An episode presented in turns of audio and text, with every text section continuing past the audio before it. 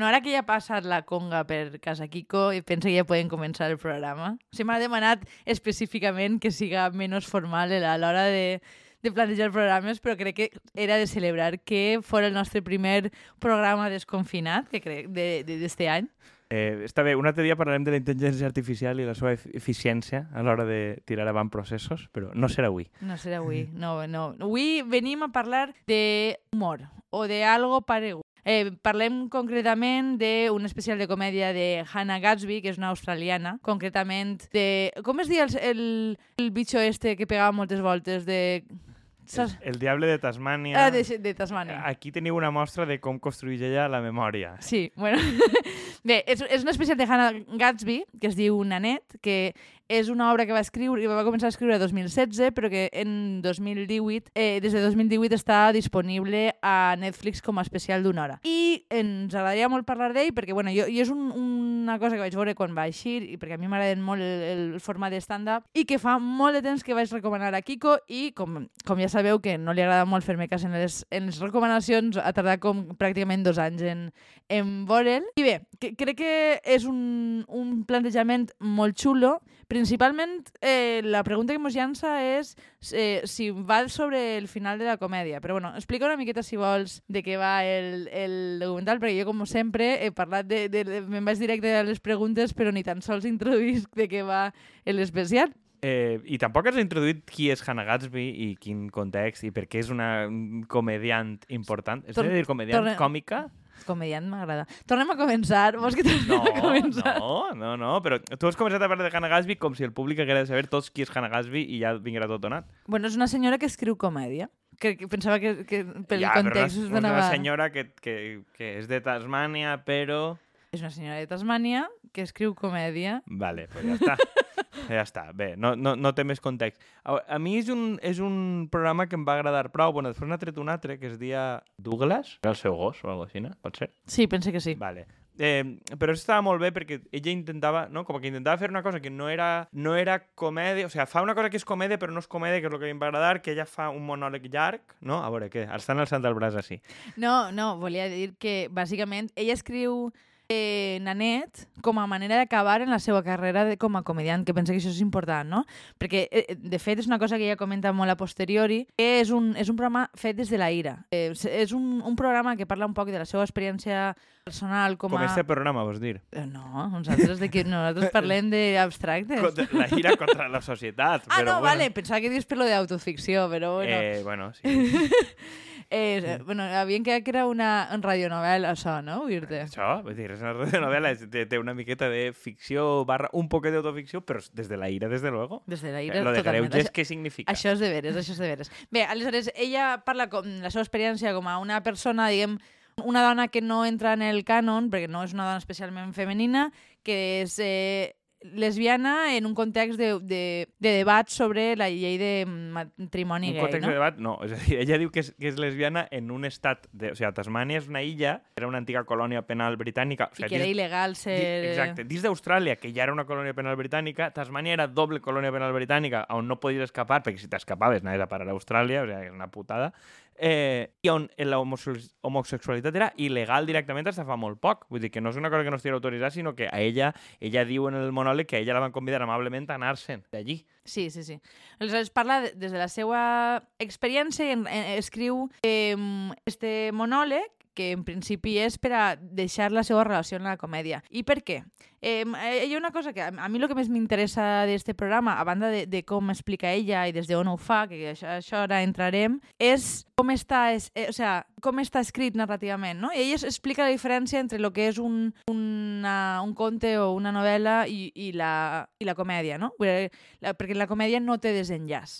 I acaba explicant de com li afecta això al seu desenvolupament com a persona. No? I crec que és una de les coses més interessants perquè és com fins a quin punt la idea de, de, de fer humor, que moltes voltes, ella, ella mateixa ho diu, acaba fent-li mal a si mateixa perquè sempre és humor que la menysprea, com això fa que ella sigui incapaç de deixar de ser l'adolescent que necessita utilitzar l'humor per adaptar-se, no? I, crec que això és probablement el més xulo d'este de, de, monòleg, la, la, la seva relació amb la comèdia, de, de com Eixe alleujament còmic que fa no li permet contar la veritat sobre molts dels esdeveniments que està, que està o sigui, molts dels esdeveniments que li han passat i com utilitza aquesta tècnica per a construir aquest mateix monòleg, no? I com et deixa en una sensació d'angoixa quan més va passant, quan més coses et conta, més... Jo, jo és un, un d'això que l'hauré vist igual tres voltes i les tres he, he plorat molt, la veritat. És, em sembla molt intens. Sí, a veure, jo crec que funciona com a antimonòleg de comèdia justament per això, perquè a, a més de com ho fa, qüestiona les pròpies premisses de lo que és la comèdia. O sigui, que tu, a veure, evidentment, no, no es dedica a deixar malament a, a, tres, a altra gent, sinó que o sigui, funciona no des de, des de una comèdia, diguem, des del jo i el propi qüestionament, que és una cosa que està molt escampada, en plan, si em deixa malament a mi mateix no em pots dir res, però, claro, crec que està bé el que diu de que això, això no li permet superar els traumes, no? perquè sempre està revivint-los una i altra volta.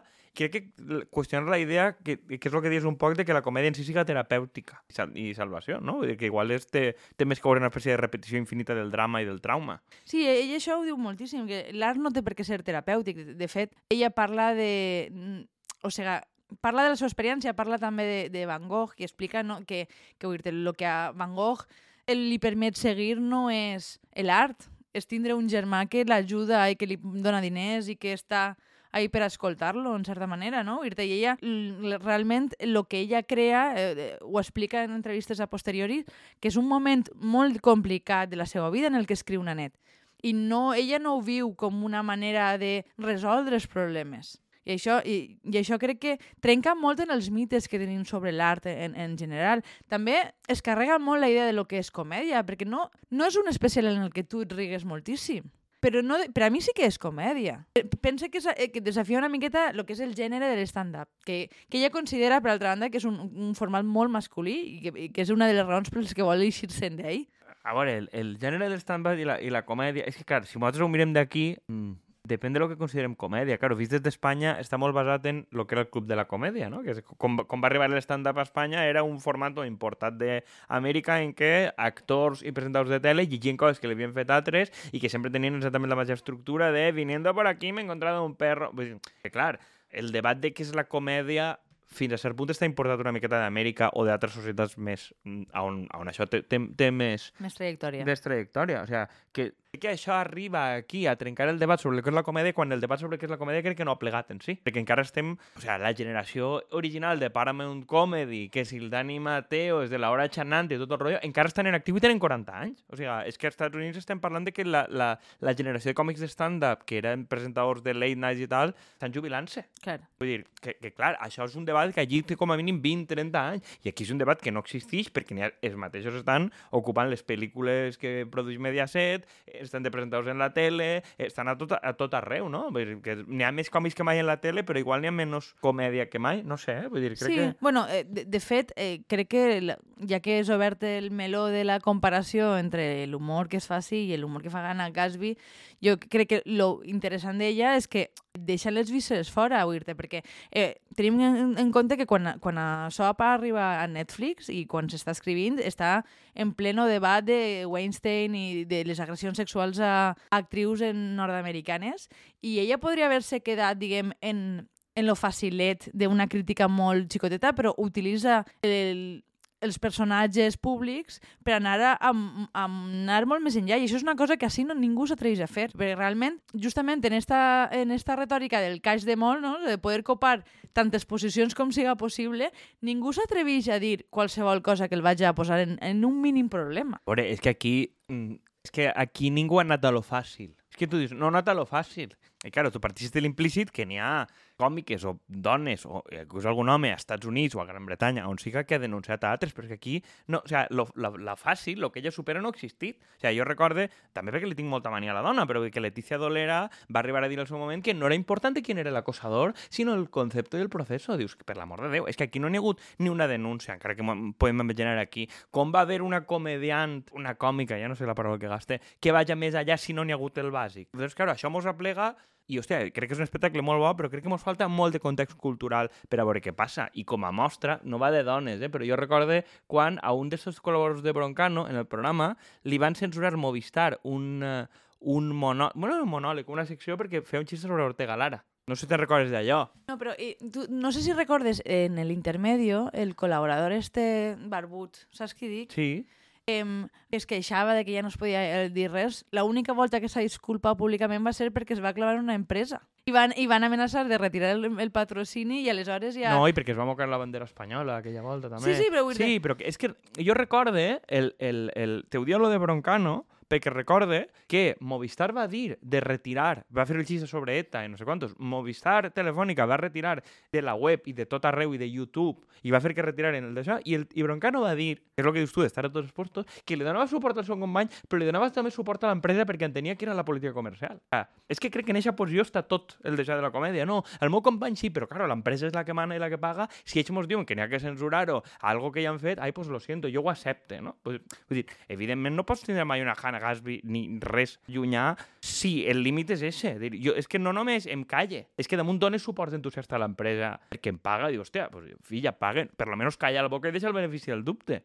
Bueno, sí, i a més eh, comentaven abans de, de començar l'exemple d'Ibarburu, no? que dintre d'esta colleta era el que, en principi, com a mínim en televisió, havia fet lo possible per distingir-se, per fer un, pro un producte de, de comèdia, diguem, una miqueta fora de lo mainstream, i després nosaltres vam anar a veure-lo fa un any o Fa això, un any, que, fa un va, any que, sí. que vam estar en la Rambleta i, i va, es va dedicar a fer imitacions bastardes, xistes de gais i de negres. Sí, O sigui, sí. Jo, jo, de fet, no el coneixia massa, vaig arribar per, per la vostra recomanació i quan vaig veure el- el- el- el humor que, que gastava, dic, hòstia, Sí, sí, jo recordo que un moment era una forta decepció a casa. I jo ahir em vaig donar compte, sense voler jutjar el xic, que probablement existeix un circuit de comèdia que més o menys n'hi ha gent, pues, hi hauria gent que potser anava a veure-la ell, però jo tinc la impressió que molts anaven a veure a qualsevol còmic de tele que també allí.